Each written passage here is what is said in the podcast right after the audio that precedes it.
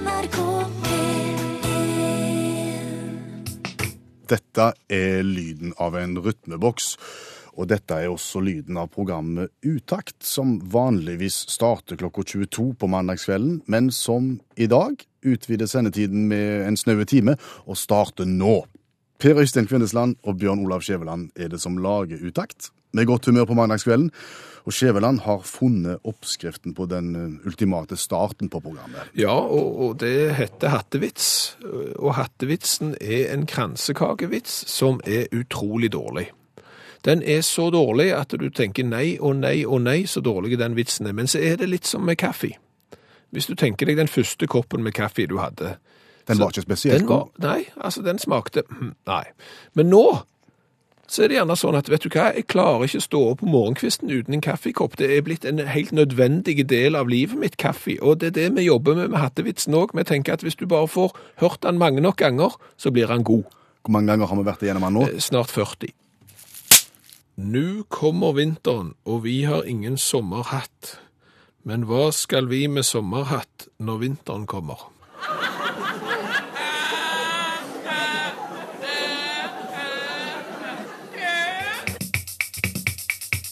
Har du lyst til å snakke om fluer her og nå? Ja, fordi at eh, nå har det vært pinseferie, og været har jo vært alle tiders i, i pinsen. Og, og når været har vært fint, så har du gjerne vært ute i den eh, frie naturen, og så har du gått tur. Ja, Og møtt på fluer?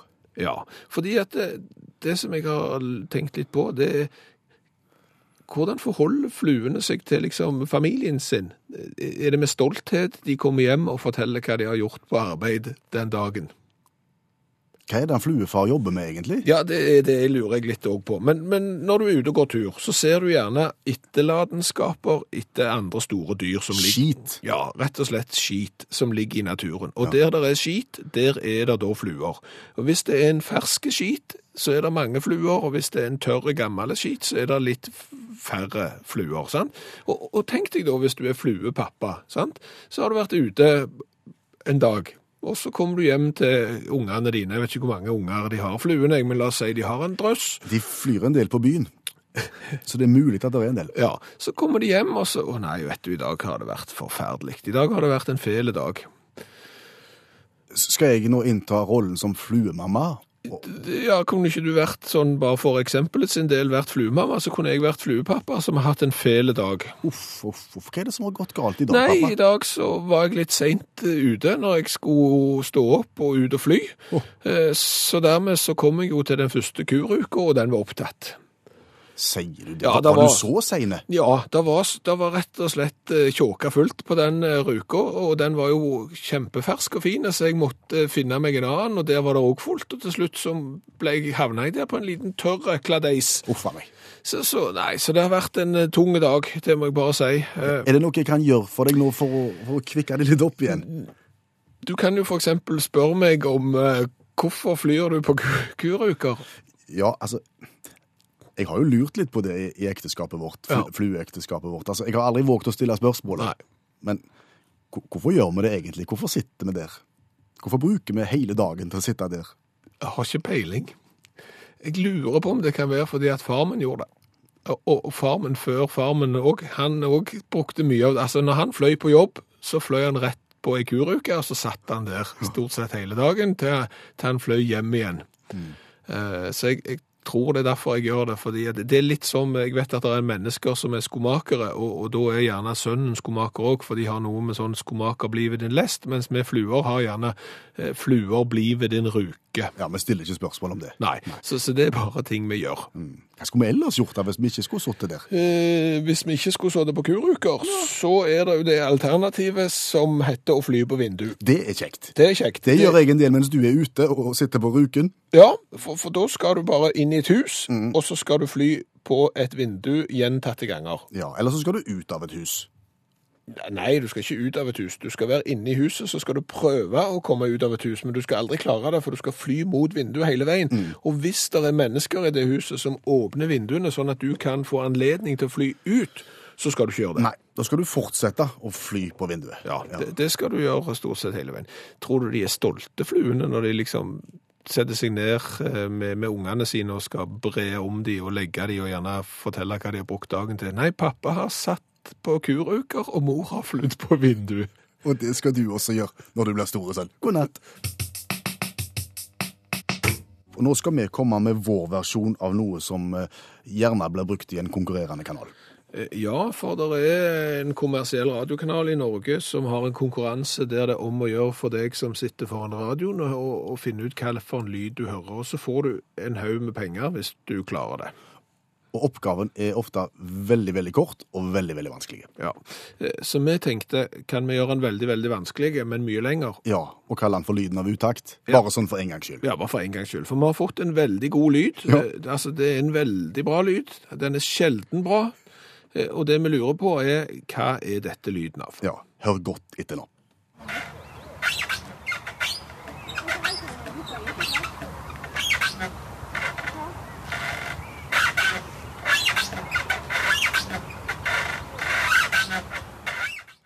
Ja, Ja. jeg ler fordi jeg vet hva det er. Ja. Ja. Eh, Her må dere bare tenke litt ut forbi boksen, for å være helt ærlige. Men hvis du har en idé om hva dette er, så sender du en SMS til 1987. Starter melding med utakt, og så kommer du med forslaget ditt. Og skulle det være sånn at ingen overhodet har rett i dag, så vil vi òg premiere gode forslag, kreative forslag, og forslag som er aldeles på villspor. Ja, og tanken er at mot slutten av programmet så skal vi avsløre hva det er for noe. Vi har så går en video av det som foregår akkurat her, og vi tenkte å vise den også, men altså mot slutten. Ja, Så da er det ikke det som kanskje mange tror, at det er en sånn sengemadrass som lager sånn lyd, i og med at vi skal legge ut video av det. Så er det ikke det. Så dere kan foreslå alt annet. 1987, start med utakt og forslag til hva det er, eller så følger du oss på Facebook, og så kan du skrive svaret ditt. Jeg har lagt den opp en gang til, jeg. Ja. Skal vi gjøre det? Ja. Dette er lyden av utakt. Hva er det for noe?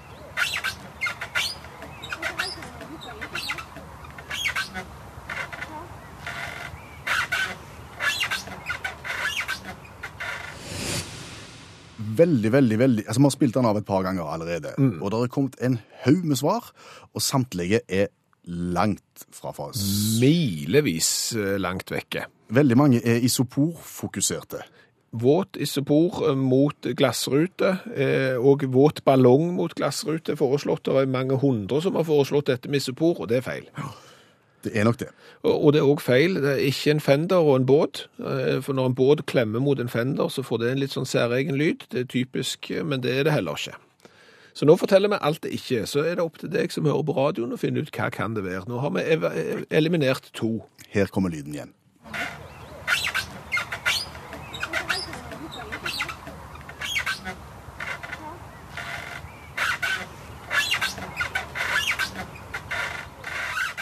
Jeg forstår jo at folk er like isoportanken, Ja, men han er feil. Det er feil, altså. Men hvis du har en idé om hva dette er, så sender du en SMS til 1987, starter meldingen med utakt. Vi premierer selvfølgelig rett forslag, men i og med at vi tror at ingen klarer det, så premierer vi òg kreative forslag, og, og forslag som er helt på viddene. Løsning eh, noe over klokka 23 i kveld. OK? Ja, Det var greit så langt. det var veldig bra.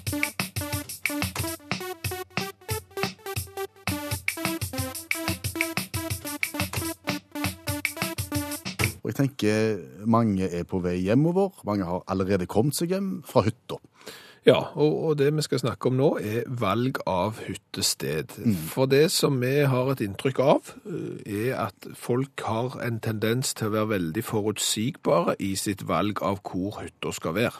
Tenker du nå bare innenlands, eller? Jeg tenker generelt. Okay. Jeg tenker eksempel at hvis du da har litt eh, vondt i gikta di, og, tenker at det kan være godt med varme, så kjøper du gjerne en leilighet i Spania, eller eventuelt en i Tyrkia. Mm. Og velger du Spania, så velger du gjerne en i Torrevieja eller i eh, Albir Alfas del Pi-området. Ja, i kort vei til andre nordmenn, norsk radio og brunost. For eksempel. Altså, ingen motforestillinger her, men, men det vi tenker er, finnes det noen nordmenn der ute som har tenkt ut forbi boksen? Og i så fall, hvis de ikke gjør det, så har vi noen gode råd. Hvis du kunne tenke deg å rigge deg til med hytta et sted i verden hvor ingen andre har rigget seg til, ingen andre nordmenn har rigget seg til før deg. Ja, det er planen. Ja, eh, For å finne ut av dette her, så kontakta vi mannen som har reist mest i hele verden. i hele verden. Mest i verden, i hele verden, og han heter Gunnar Garfors. Han har besøkt alle verdens land. Han er òg i Guinness rekordbok for den som har besøkt flest land på kortest tid. Så han har virkelig greia på hvor du eventuelt kan finne deg en plass og sette opp hytta di som ikke noen andre nordmenn har satt opp hytta si. Hvor bør du gjøre det, Gunnar? Nei, Hvis du ikke tenker på reiseavstand og reisekost for å komme dit, så vil jeg anbefalt et eh, land eh, i Stillehavet. Eh, Da er du så å si helt ifra Kiribas, f.eks. Eller Tuvalu. Det er jo spennende destinasjoner. Og da, da er du helt i fred, altså. Hvordan er hytteprisene på Tirbas, du? Nei, Kirbas det er ganske bra, altså. Det, standarden er litt, litt variert, det må jeg si. men du får fersk fisk da på stranda hele tida. Det er ikke noe problem. Men det er klart, nå sier du et sted til meg som jeg ikke har hørt om, og da tenker jeg at det er gjerne ikke så enkelt å komme til. Påsken er gjerne omme før du er framme, og så skal du tilbake igjen. Hvis vi, hvis vi tenker litt ut av boksen her nå, men allikevel at det skal være såpass at det går an å komme seg der til i rimelig tid. Ja, det, da, det er jo selvfølgelig et, et viktig kriterium for de fleste som ikke har ubegrensa påskeferie. Da har du altså Kapp Verde, for eksempel. Det ligger rett sør for hovedstaden i Syden, altså Gran Canaria. Eh, En time lenger sør så har du et afrikansk land eh, ute i, ut i Atlanteren. Fantastisk eh, flott. Der har du mange eh, øyer der som jeg helt klart kan anbefale. Og da kan du egentlig bare fly til Syden, og så ta båten videre. Ja, det går til og med fly fra Syden og videre til, til Kapp Verde. Og så er det faktisk sånne chartergreier fra her. Det, det liker jeg lite. Det driver jeg med av ulike grunner. Men det går faktisk direktefly til Kapp Verde fra Norge. Men hva kan med et sånt uh, lite eksotisk land som, som Belgia, eksempel? Hva med å få seg hytte i Belgia? Det er det ingen som gjør. Nei, men vet du hva, I Belgia det er faktisk utrolig tøft, for i Belgia har du masse gamle slott. Altså skikkelig sånn eventyrslott som du kan kjøpe for en billig penge.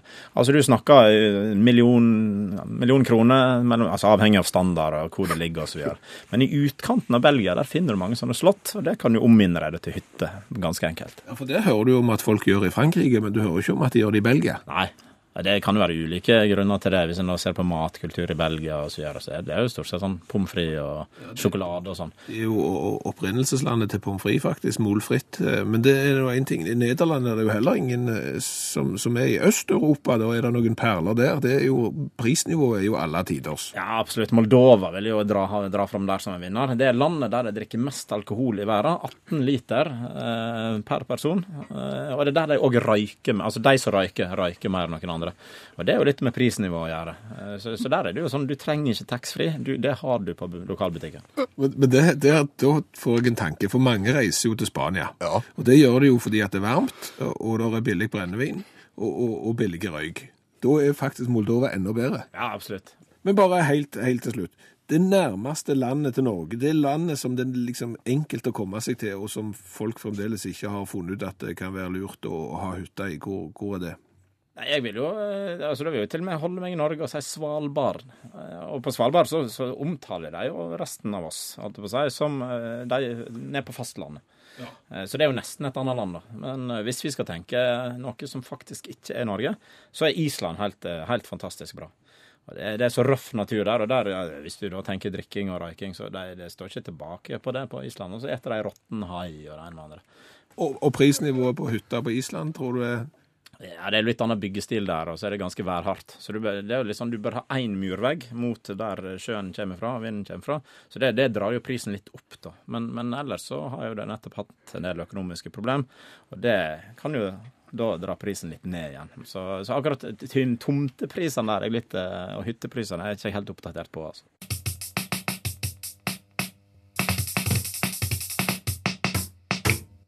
Skal vi nå, før nyhetene klokka 22, tenke koffert? Ja, vi skal det. Fordi at eh, alle storbyer med respekt for seg sjøl legger opp til at turistene skal trives. De deler ut på turistkart, de henger opp plakater for å reklamere for det ene de skal gjøre. De lager mobilapper, og alt skal liksom være strømlinjeforma. Det skal ikke være noe problem å være turist i min by, er på en måte det du signaliserer. Her kan du ta bussen, her kan du ta trikken, her kan du sykle, Ja. her kan du gå. Ja, men hvor kan du gå med trillekoffert? Det var spørsmålet. Det var spørsmålet. Det er det ingen som har tenkt på. Det er faktisk et ganske stort problem.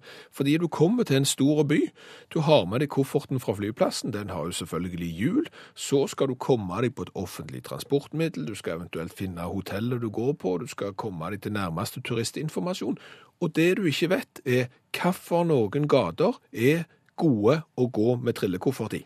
Noen gater er ikke gode å gå med trillekoffert? Brostein er jo et mareritt. Ja, eh, Rød løper, for eksempel, det er alle tiders. Det er det lite av. Ja, men hvis du først har gått på rød løper med trillekoffert, så vil du ikke ha noe annet. Eh, Så har du for eksempel områder med ny asfalt, det er ganske bra. Områder med grus er ikke bra.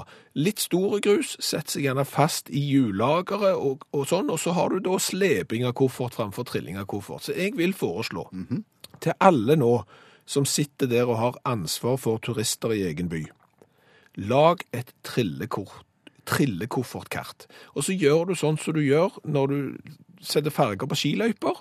Du har eksempel svarte løyper, totalt ufremkommelige med trillekoffert. Grønne og blå, de relativt greie og sånn. sant? Så lager du et sånt et kart, og så deler du det ut på flyplassen. Det tror jeg er en vinner. Tenkt mye på dette. Ja.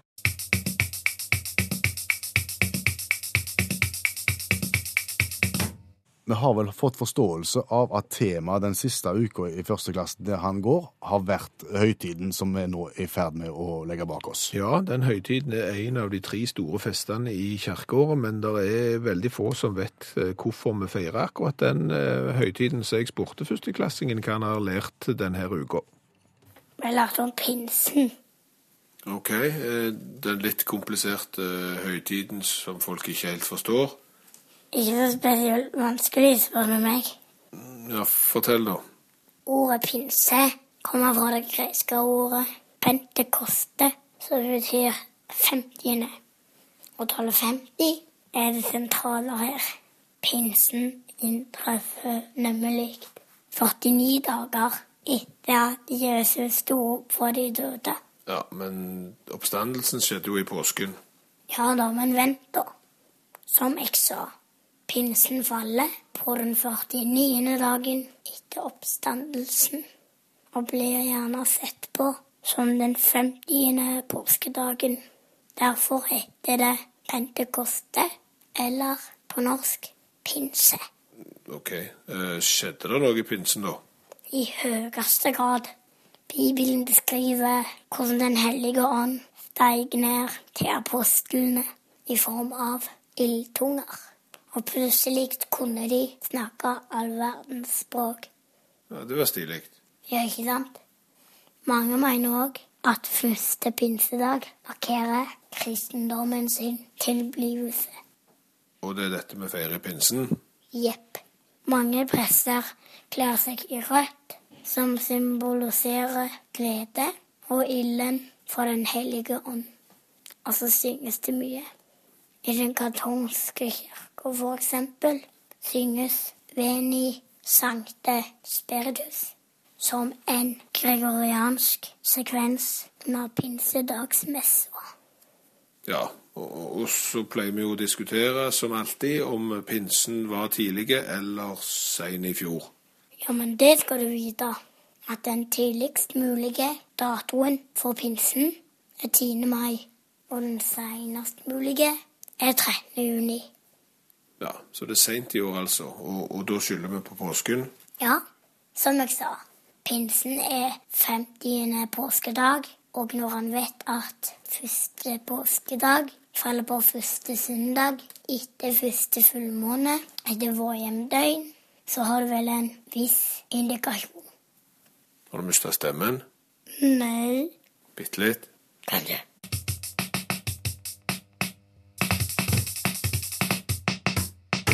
Vet du hva klokka er i Brasil nå? Nei. Nei? Skal vi spørre en som vet det? Uh, Jørgen Tengs Pedersen, hva er klokka i Brasil nå? Nå er hun halv seks. Er du helt sikker på det? Ja. Hvorfor vet du det? Fordi jeg bor i Rio de Janeiro sjøl. Og, og pleier å høre utakt? Jeg pleier å høre utakt uh, hver mandag uh, hvis jeg er tidlig uh, nok fri. Sånn at jeg det. Hvis ikke må jeg høre det på podkast. Men da kan du få det på vei hjem fra jobb, da, rett og slett på ettermiddagstid i Brasil. Ja, så det begynner klokka fem. Er utakt veldig populært ettermiddagsprogram hos brasilianere? Det er utrolig populært. Det er jo mitt Det, det, det er jo mitt samband, på en måte. Ja, det er det. Ja. Mm. Så det er nummer to. Så ja, veldig populært. Vi hadde lyst til å få besøk av deg her i kveld, for vi visste at du var hjemme i Norge en liten svipp, og det er jo et mesterskap som skal i gang der om få dager, og vi tenkte, går det an å finne en liten utakt måte å snakke om det på? Og så utfordret vi deg litt på det. Og så tenkte vi hvordan står det til i Brasil akkurat nå, rett før egentlig? Ja, eh, når jeg reiste, så Det var jo forrige tirsdag.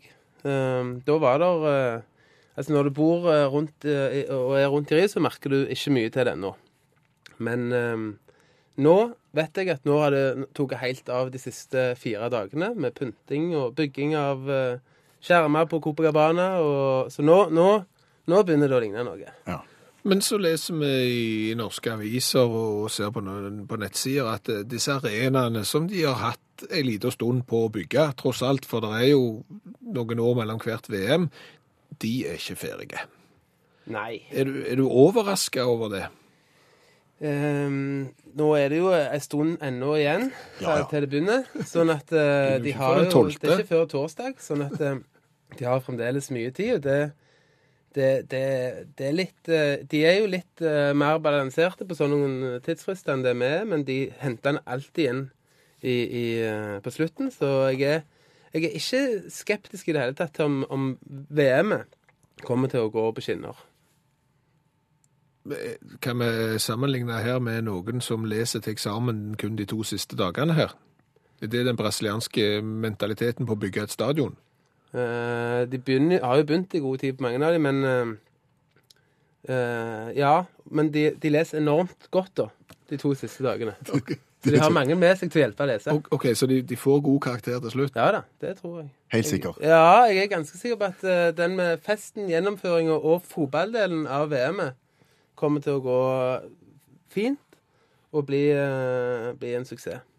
Og så er det jo sånn at eh, det er ikke alle samferdselsprosjekt heller som er ferdige. Det er jo en og annen fotballtilskuer som kommer fra utlandet og skal inn og se disse kampene. Hvordan løser de dette her i Brasil eh, for å få alle folk på plass? Ja, Det har jo vært en av, en av de tingene som vært Som de ikke har gjort så mye med, som de sa. Uh, og det er det jo mange som, som snakker om og, og skriver om, men, eh, men der kommer de nok òg til å, å ordne det opp med å De pleier å gi fri på sånne noen, uh, eh, tilstelninger som Ikke hele tida, men når det er kamper i de forskjellige byene, så avlaster de byen med å gi fri til skoler og gjerne Arbeidslivet òg. ar arbeidslivet. Fri med lønn. Uh, Det er jeg usikker på, men uh, antageligvis så oppfordres arbeidsgiveren til å gi fri fra f.eks. halv dag da, på de dagene når det er kamp i Rio. Så avlaster det trafikken så mye at, eh, at eh, veiene går. I tillegg så vil de òg dirigere og enveiskjøre. De er noen racere på å snu trafikken. De snur den jo hver morgen langs strendene for å få trafikken inn og ut av byen. Sånn at uh, dette kan det, altså. De får det til. Det blir nok mye kø, men uh, de får det til til kampene. sånn. Og, og når Brasil uh, spiller, da har alle fri? Da er alle fri. Da er det jo, det er jo ikke vits med noe annet. Og når Brasil har vunnet, så har alle fri dagen etterpå òg. Ja, Det vil jeg gå ut ifra. Hvis ikke mer. Skal, skal du få med deg noen kamper sjøl? Skal du ned igjen til Brasil nå? Jeg reiser i morgen tidlig klokka seks. Så jeg eh, reiser i morgen, ja. Er du påmeldt noen kamper? Ja, ikke som spiller, men eh, jeg skal gå og se en eh, fire, kanskje fem kamper, ja. Ikke finalen? Eh, det ser ut som vi skal gå og se finalen òg. Det er jeg utrolig, utrolig takknemlig for. Og er det lov å spørre eh, hva den billetten til finalen koster? Han koster nok noen tusen real, Madrid? vil jeg tro. Real Madrid. Skjønte du den? Nei, jeg har ikke noe forhold til Er det valutaen det er i Ja, det er, så rea, det er realøkonomi. Ja. Skjønner du? Det, det, det er såpass mye penger at vi trenger ikke snakke om det. Men har du fått deg ad offisielle kanaler, eller har du måttet gått via via for å få tak i en finalebillett? Jeg har gått via en eh, kamerat som fikk tak i fire stykk, eh, som skal være fra sikre kilder, så det er ikke noe fake billett. Er det de samme sikre kildene som du kjøpte billett på når du skulle på Liverpool-kamp? Hvis det er det, Jørgen, så, så vil jeg tenke meg nøye om nå, eller, eller muligens er det allerede for seint. ja, vi får se. Var det flere spørsmål? Nei, er det det? Nei. Det er vel bare å, å glede seg. Og, men det er ikke alle brasilianere som har gleda seg til dette mesterskapet. Nei, det har vært litt delt, og det er det nok fremdeles òg. Eh, på grunn av eh, litt det vi var inne på. Det har blitt brukt mye mer penger enn det skulle. Eh, og ikke alle de store prosjektene som skulle komme innbyggerne til gode, har gått helt igjennom foreløpig, i alle fall. Sånn at eh, det har det jo vært, som alle har sett, en del om. Men, eh, men jeg er sikker på at det kommer til å å bli god gang nå når det, nå når det begynner. Så snart Det sa jo eh, presidenten senest i går, at nå når det Så snart den første eller Brasil begynner å, å vinne litt, så snur jo da kommer, Det er jo verdens største fotballnasjon, så da kommer det inn. Og det er òg nå når vi ser hva de gjør langs strendene på Copacabana med storskjermer og festarena, som bare At det nå Det kommer til å bli bra nå. Ja, ja. Så er de jo ikke i gang før den tolvte, så det kan skje mye på korte tid. Yep. God tur tilbake igjen til Brasil, Jørgen. Tusen takk skal Og dere takk for at du kom her.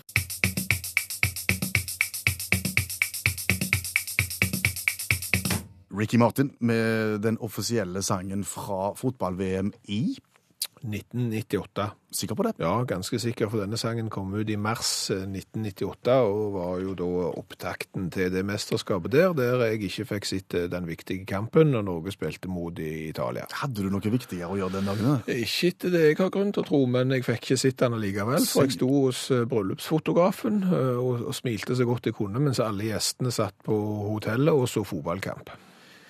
Er det derfor at det brudebildet ditt eh, gjerne kan få folk til å tenke at her ser du ikke god ut, og det ser ut som du spyr i buketten? Eh, Ja, det kan være den ene årsaken. Den andre årsaken er at været var såpass dårlig at de bildene vi skulle ta ute, eh, ute i skogen, de ble ikke tatt, for det var for langt vekke, og det regnet for mye. og Dermed så ble de tatt i en rundkjøring i Kongeparken. Mens Norge spilte viktige kamp. Du,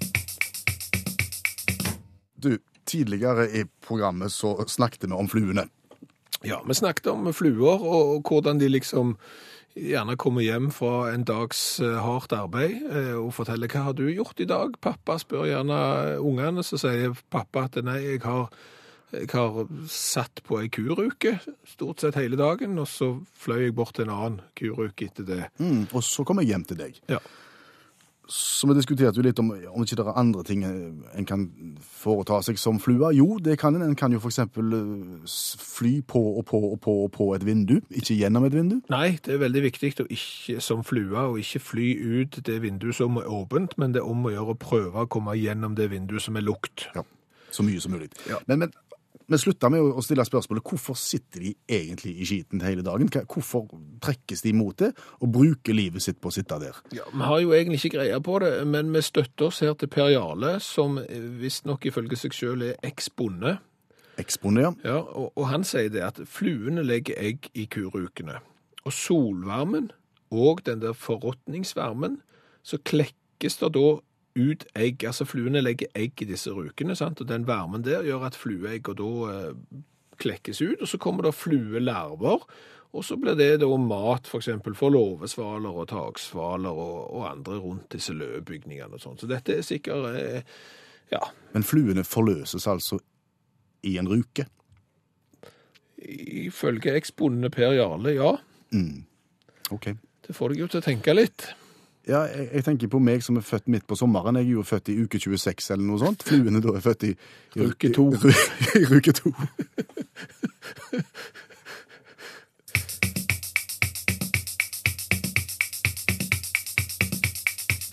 Og vi skal snakke litt om ferieaktiviteter.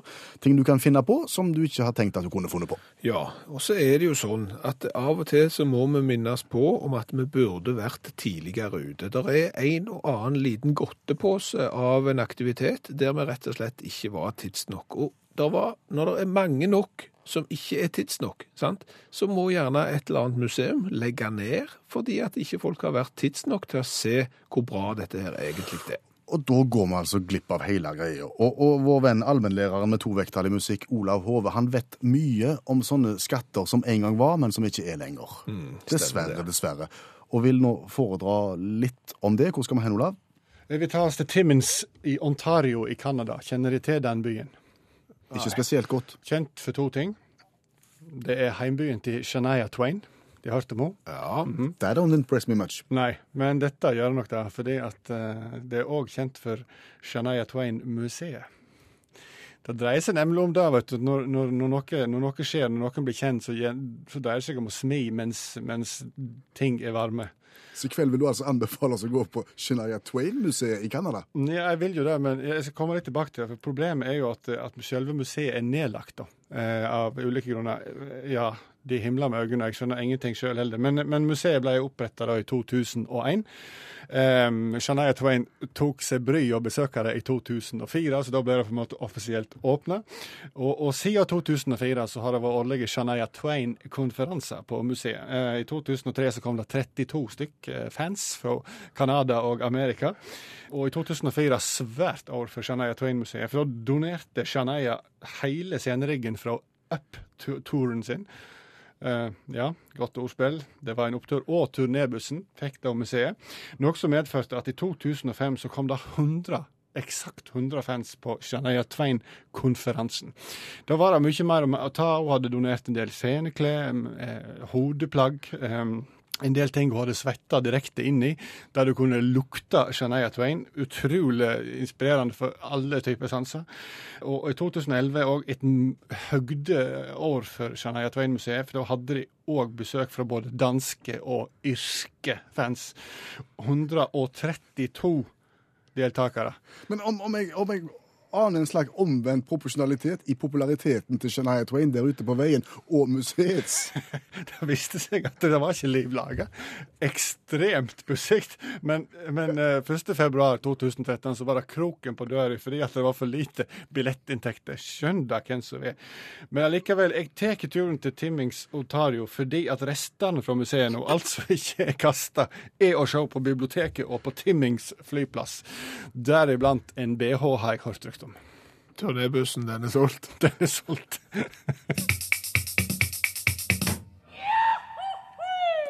Og det er den muntre lyden av konkurranse? Det er det. Litt grann jodling på radioen er kjekt. For mye jodling blir gjerne litt for mye av det gode. Og i dag så skal vi til fødebyen til Henrik Ibsen og hjembyen til polfarer Hjalmar Johansen. Eline Helgøy Vingård, god kveld. God kveld. Er det sol og sommer hos deg? Veldig mye sol og sommer, ja. Det vil si? Eh, 24-25-26 grader. Å. Og akkurat nå, da? Blå, blå himmel og bare bra. Bare velstand. Da skal vi rett og slett skride til verket, selv om det er varmt i byen din. Det er sånn at Vi skal da få tre spørsmål etter hvert. Svarer du rett på spørsmålet, så får du denne lyden. Hvis du svarer feil, så får du Men uansett så får du T-skjorta med V-hals. Ja, og, og, det er alltid fint å kunne gå rundt i Skien i Telemark med en utakt-T-skjorte med V-hals. Ja, spesielt med V-hals. Ja, det er akkurat det. Det første du skal få gjøre nå, Eline, det er å velge et sidetall fra 10 til 66. Ja, skal vi se. Nummer blir 32. Da går vi for 32. 32, Da er vi i kategorien om og fra Norden, og der har jeg 17 spørsmål å velge i. Ja. Skal jeg bare velge noe tall der òg? Ja da. Ja, Begynn med nummer fem. Hvor i Danmark ligger Århus? Ja, på hvilken øy blir det, da? Ja. Ja, eh, Jeg vet ikke Jylland den heter da. Og Det var rett i gladjodling med en gang. Ja, det var bra. Sterk uh, Jylland-kompetanse der. Uh, skal vi velge et nytt sidetall fra 10 til 66? Ja, ta nummer 17. 17, skal vi se, da er vi der, ja. Da er vi på kategorien litt av hvert fra planteriket. Hva spørsmål kunne du tenke deg der? Nummer 11. Nummer 11. Gror orkideer vilt i Norge? Nei. Jadlalau, hei. Jo. Det gjør de. De er mindre enn sine tropiske slektninger, men er like vakre, sier Peter Nødt i fasiten her. Og Peter Nødt stoler vi på? Ja, det er vi nødt til. Ja. Da har vi lært det. Ja. Orkideer gror vilt i Norge. Litt mindre, men minst like vakre. Ja. Siste spørsmål, Eline. Nummer Ja. Side 45. 45. 45. Da er vi på Jeg må se hva kategorien er, for den er på andre sida. Fra sjø og land, ja. ja. Der har vi òg 17 spørsmål. Ja. Ta nummer 6. Nummer 6. Hvorfor flyter tre? Oi, oi, oi. Det har jo med oppdrift å gjøre. At det går vel hvorfor flyter tre. Eh, har jo med konsistensen og materialet å gjøre, men er det oppdrift en skal fram til, eller? Altså, Svaret er litt tåpelig, for å være helt ærlig, men jeg tror vi kan bare gjøre sånn. Tre flyter fordi det er lettere enn vann. Ja. Da er det med oppdrift med lettere enn vann. Sånn ja. er det. Barnas egen spørrebok. Ofte er det enkle det beste. Ja. Det trenger ikke så avansert. Ja, det er sånn. Eline Helgøy Vingård, nå skal du snart kunne ikle deg ei utakt-T-skjorte med vedhals og gå ut i, i sommerkvelden i Skien. Ja, veldig bra. Men, men du høres jo ikke ut som du eh, er født og oppvokst i den byen. Nei da, vi heier på Sola og Tananger. Du er fra Rogaland i utgangspunktet, ja. Ja da.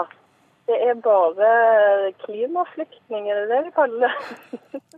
Ja, det har vi Nei, det. Det var jobb, og så er det så dyre hus eh, der vi aller helst vil bo. Så det var liksom litt bedre priser på, i Telemark. Så sånn har vi havnet her. Gjerne vært i Rogaland også. Ja, Vi hadde 24 grader i Rogaland i dag, så vi var ikke så langt vekke, tror jeg. Nei, guri meg, var det bra. Nei, jeg hører de skryter. De, de passer på å ringe hver gang det er bra vær, siden eh, vi har sånn generelt bedre, så jeg får liksom meldinger når det er bra. Eline, ha en fortsatt god kveld. Jo, i like måte.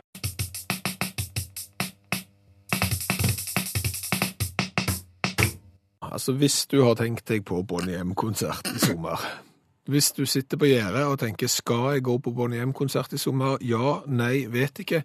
Så vær litt varsom på at det er ganske mange Bonnie M på veien. Ok, det er noen ekte, noen uekte? Nei, altså, hva er ekte, hva er ikke ekte Bonnie hjem, Det er ikke lett å si, men, men det er gått ut advarsler om at det turnerer ganske mye Bonnie hjem. og, og årsaken til det er at det har vært ganske mye mange folk innom Bonnie Mm. og alle har valgt å turnere under fanen Bonnie hjem. og det er klart at det da Sånn sett så kunne du nesten lagt en egen Bonnie M-festival der det sto Bonnie M på alle scenene. Eh, Det var jo det som var kongstanken vår, å forene alle sammen Ja. under en felles Bonnie M-paraply. Ja, og kalt det for Bonnie M, Festivalen. for eksempel. Hvor skulle den vært? Den måtte jo vært i Tyskland. Der det hadde sitt utspring. Ja, der det er ingen som hevet hever øyenbryn om du står og holder damer i halsbånd eh, i tanga underbuksa. Med, med, Det var på 70-tallet. ja. Det var sjelden bra cover de hadde, på M. Dette er Utakt pinsespesial, et program som har vart lenger enn det pleier å gjøre. Det begynte tidligere, og i forbindelse med denne spesialutgaven så lanserte vi også lyden av Utakt, som har rulla og gått helt siden klokka ni i kveld. Ja, og vi syns det var en så kjekk lyd at vi hadde lyst til å utfordre deg som hørte på radioen, om det var noen som var i stand til å gjette hva det var, og svaret er nei. Nei, og dette er lyden.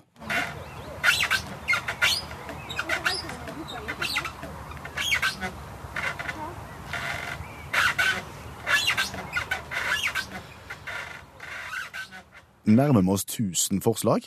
Ja, og, og svært mange har svart at dette her har enten med isopor mot vindu å gjøre, noe med ballong å gjøre, eller båt og fender. Og selv om vi har vært ute og sagt nei, nei, nei, det handler ikke om det, så er disse forslagene kommet om og om igjen. Eh, noen har gått litt ut forbi boksen. Og gjetta på Eh, Berit for eksempel, det kunne vært lamaen vår når han oppdaget hesten til naboen. Å ja, Ja, lamaen er ellers svært tause, men uh, idet han så en hest, så, så kunne dette minne om den lyden der. Men det var òg feil. Men vi er inne på det. OK. Eh, Randi er ikke inne på det. Eh, Kanskje det kan være lyden av hjernecellene mine etter at jeg har ligget utslett med kraftig forkjølelse i hele pinsen? Nei, det, det så stemmer du hører inni ditt eget hode, de er alltid litt eh, vonde å tolke for oss som står på utsida. Eh, foreslått her at det kan være lyden av nyfødte valper. Nei. Nei. Wenche har foreslått at det er en tusjpenn på et whiteboard, altså sånn ja. Gni Gnikkelyd, ja. Gnikkelyd eller det, det er òg feil. Eh, Så har Mette kommet med det forslaget som vi har valgt å premiere, for det er såpass langt fra fasiten og såpass fiffig. Dette er da lyden av nabosetet på Palace Theatre i London i går, under forestillingen The Commitments. Akkurat. For det knirker såpass. Det knirker såpass, og du kan jo tenke deg hvor kjekt det er å være på en forestilling der nabostolen høres ut som Du er ikke lei av det. Ikke i det hele tatt. Men du, la oss høre litt nå.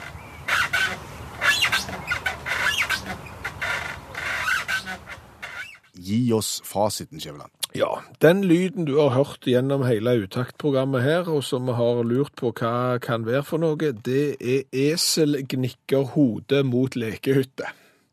Elementært. Veldig elementært. Og hvis du lurer på hvordan det ser ut, så ble det filma når vi fant denne lyden, sånn at den filmen av esel gnikker hodet mot lekehytte, den fins på Facebook-sida til Utakt akkurat nå, og så kan du se at det bilde og lyd stemmer ganske godt.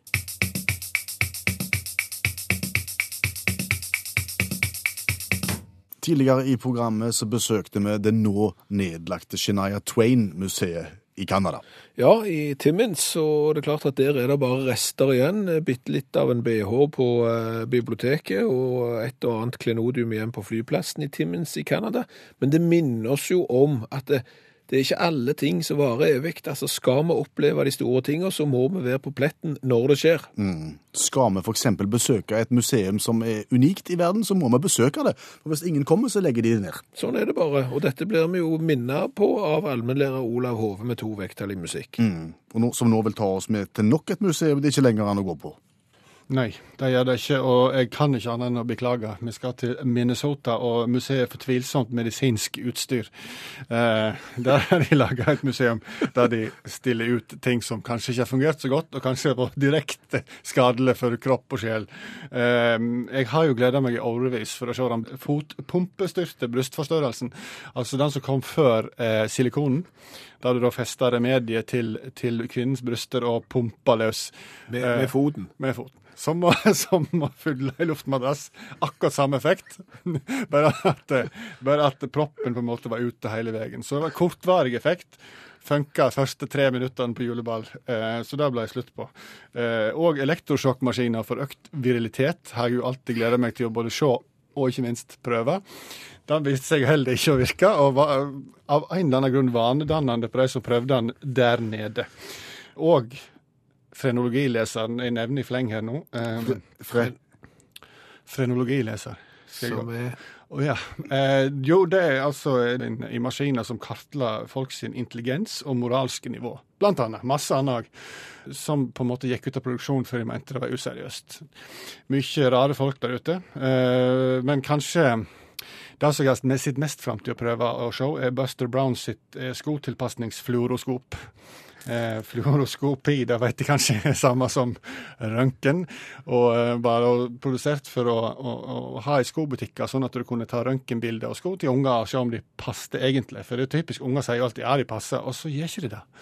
En kjempeidé, spør du meg.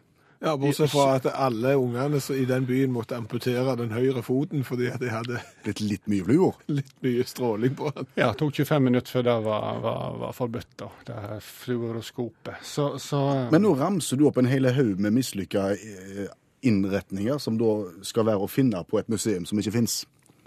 Ja, stemmer det. Ja, hva har skjedd videre her? Nei, det var akkurat så med Shania Twain, så viste det seg at det var ikke liv laga de greiene der. Men i motsetning til Shania Twain, så oppdaga jeg at en del av det var inspirerende på den helt feil måten. Eh, det viste seg at en del hadde ja, adoptert f.eks. brystpumpegreinen. Eh, samme med elektrosjokkmaskiner, så du skal feste til de delene av kroppen der du helst ikke vil ha elektrosjokk. Eh, ble, ble, ble, på en måte adoptert. Så det, det viste seg at dette var, det var skadelig, mente mange. Mye demonstrasjoner, mye tull og tøys, og ikke minst ingenting i billettinntekt. Når ble det nedlagt? 2010.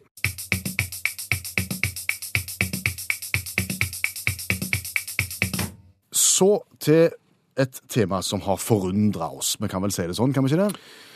Jo, eh, ikke det at vi følger så veldig godt med, så dette er jo litt etter det vi har grunn til å tro eh, taktikken. Men Vi har sett det flere ganger. vi har sett det flere ganger, og vi har sett det senest nå nylig. Fordi at når det nærmer seg langhelg, så dukker det gjerne opp et bilag i avis. Du må fylle den med noe som ikke er dagsaktuelt, og da tar du gjerne og anmelder drikkevarer.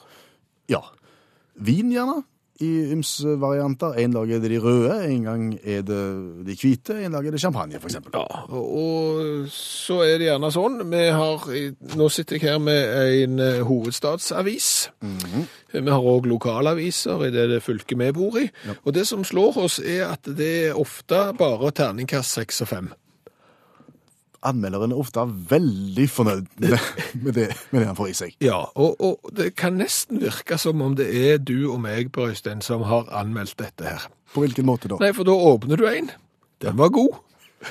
Ja, og så tenker du, jeg kan ikke åpne for hardt. så Jeg gir den en, en, en, en sterke firer. Ja, og så åpner du en til. Den var god. Den var kjempegod. Fem. Det er en klare femmer. Ja, så, så åpner du neste, Å, du, den var god. og derfra ut er det terningkast seks Hele veien. på, på, på alt. Men det slår oss her. Ja. Her er det seks viner som er anmeldt på den sida jeg ser her nå. Det er seks, seks, seks, seks, fem og fem. Den dårligste er da terningkast fem. Og ikke nå nylig så var det anmeldt øl i vår lokalavis. Det dårligste der òg var terningkast fem, og det er jo sånn du Elv, Den var god, den òg.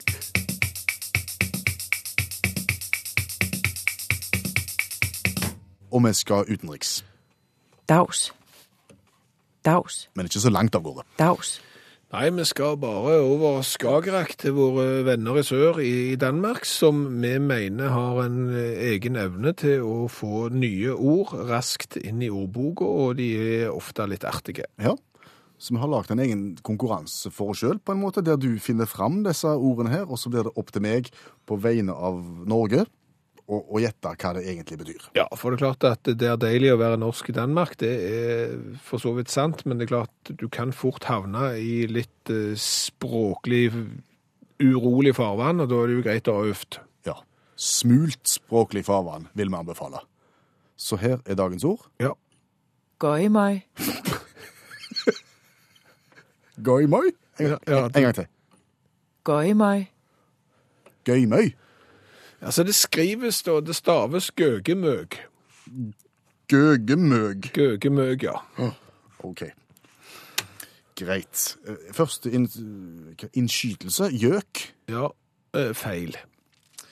Men, men nå, nå må jeg bare si det at nå sier jeg kategorisk feil, men jeg er litt på tynn is her, for jeg er ikke helt sikker på om jeg har forstått det sjøl.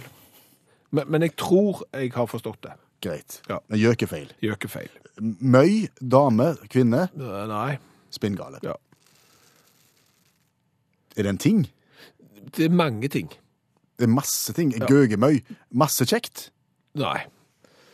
Gi, oss, gi meg et Ja, altså, det var derfor jeg, jeg, jeg syns det var så artig ord. Det var, det var god lyd i det, sant? Altså gøyemøy, Ja. sant? Og, og, og det var artig stavt, så gøgemøg. Eh, I det hele tatt så, så lukta det mye kjekt av dette her, så jeg slo det opp. Ja. Og fant ut at det har synonymer som bras og ragelse. Og da ble det mye tydeligere med en gang. bras. Har ingenting med musikk å gjøre. Nei, og så- har de da satt inn i en sammenheng for at du skal forstå hva det er. Så i ordboken så er Gøyme forklart eh, vi for omkring som forstørrede høns og samlet det sammen i dyngevis og smed uten videre hele inn i børneværelset. Hele sulamitten. Kanskje, nesten, men det, jeg tror jeg har kommet fram til at det handler om graps, er graps for noe? boss, OK. skrammel. Altså du kan si når det flyter over av ting som stort sett er irriterende og relativt verdiløst, så kan det gå under Gøyemøy. Så garasjen din er full av gøyemøy? Garasjen tror jeg kan være full av gøyemøy, ja. Etter det jeg har grunn til å tro. Og og det er klart her er litt på tynn is, men jeg tror det er det det handler om. Altså, det er ikke direkte søppel, men det er liksom overskuddsmateriale som bare ligger og flyter og tar plass og blir til rot, og så må få det vekk, dette gøyemøyet. Så til alle dere damer der ute som irriterer dere over mannen som samler for mye i garasjen, hvis dere vil si, få det vekk på en litt artig måte, så sier du bare altfor mye, Gøymøy. og så må vi få det vekk.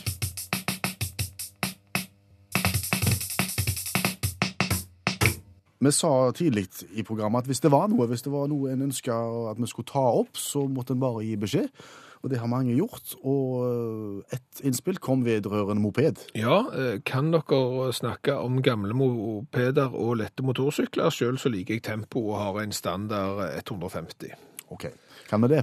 Det er klart vi kan eh, det. Eh, Vi er jo en generasjon som er vokst opp eh, på moped, eh, både før vi var gamle nok til å kjøre moped, og ikke minst eh, etterpå. Jeg tenkte vi kunne eksempel starte med eh, puck. For puck er ikke møkk. Puck er ikke møkk. Eh, Jeg husker veldig godt, hvis vi skal snakke om moped, eh, naboen hadde fått seg en gammel puck. Eh, Da er vi på en type som har skjørt, altså sånn kåpe framme, sånn at du omtrent sitter beskytta for vær og vind, sant? med sånn fotbrett. Den hadde han fått inne i Ryfylke i Rogaland. Jaha. Tok med seg igjen den, skulle skru den sammen, montere dette her mopeden, og det var jo en livsfarlig konstruksjon. Mm. Hva gjør du da når du er 16 år og litt usikker på om mopeden din virker sånn som den skal? Vet ikke. Nei, du setter nabogutten på, for han er fire år yngre.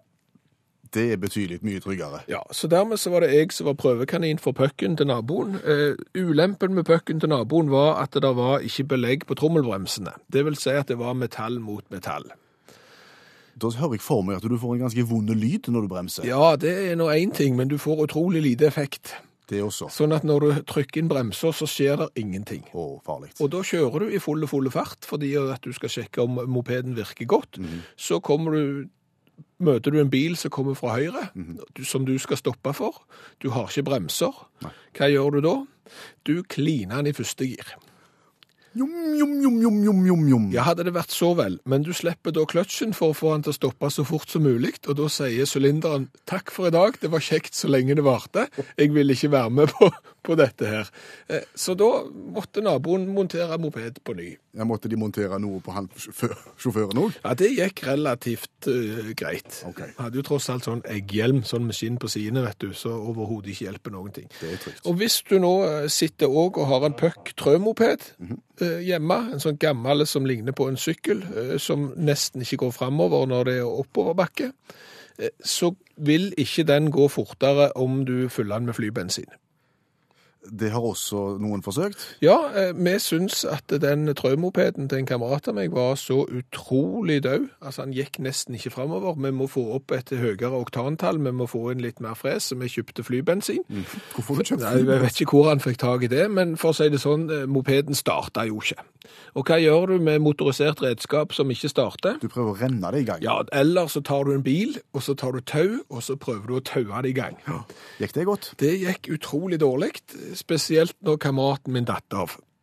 Å, Og mopeden ble slengende bak bilen uten fører på. Så det, da var det ikke løye lenger. det gikk bra, så det var, det var ganske løye. Det var det. Ta ut innmaten var jo et begrep. Eh, Da snakker vi om å ta ut innmaten av eksosanlegget for å få den til å gå fortere. Ja, for det sa alle at hvis du gjør det, Ja. så går han fortere. For da blir det vel kanskje mindre motstand i potta, er det det som Noe skjer? sånn, ja. Ja. Han går ikke spesielt mye fortere, men han bråker uhorvelig mye mer. Kan man si. Det er klart det. Det er veldig kjekt. Eh, Er det, vi kom til veis ende på mopedspalten? Nei, Et godt råd til. OK. Eh, Du snakket om hjelm. Ja. En sånn halvhjelm med skinn på sidene. Ja.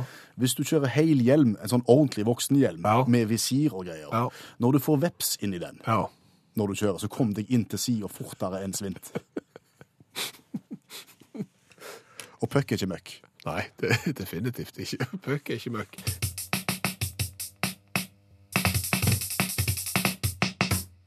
Setninger du aldri får høre, Skjævland. Ja, det har vi snakket om tidligere, og vi har jo eksempel aldri hørt eh, setningen «Å, det var dumt at det ikke ble nachspiel i går», uttalt noensinne. Nei, og i samme gata så har du jo Å, det var dumt jeg ikke fikk i meg mer konjakk i går kveld. Ja, du har hørt motsatte. Du har hørt om folk som angrer på at det ble nachspiel, eksempel, men du har aldri hørt folk som sier «Å, det var dumt det ikke ble». Det samme er jo, du har heller aldri hørt setningen «Jeg er glad jeg glemte å smøre meg med solkrem». Det blir sånn toskaskapssetning. Ja, sant? Og egentlig så er jo disse her setningene som vi nå har presentert fiksjon. Det er sånn som vi bare skaper for å fortelle hva vi egentlig skal snakke om. Ja, for vi skal snakke om setninger du aldri trodde du skulle få høre, men dette her er da en setning som er overhørt i ramme alvor i full virkelighet. Henta fra virkeligheten nå i pinsen, faktisk. Ja, eh, det er da eh, en melding som er gått fra en far til en fotballtrener. Altså fra en far til en spiller til en fotballtrener til spilleren. Hva sa faren? Nei, nå må nok poden slutte i fotballen fordi at dataen tar for mye tid. Ta den en gang til. Ja, bare beklager, men nå må poden slutte i, på fotballen, for, for dataen tar for mye tid. Han rekker ikke overalt, rett og slett. Nei, og, og, og, og i de aller fleste sammenhenger der, så ville du tenkt at den setningen gikk motsatt vei. Ja. At vet du hva, nå, nå tar dataen for mye tid, så nå får du bare pelle deg på fotballtrening og komme litt i fysisk form, og ikke bli sittende inne i mørket der. Nei. Men nei, nå må dessverre fotballen vike, fordi at dataen tar for mye Og tid. han, det var ikke feilsnakking, eller han snudde ikke på det? Nei, ikke etter det vi har grunn til å tro.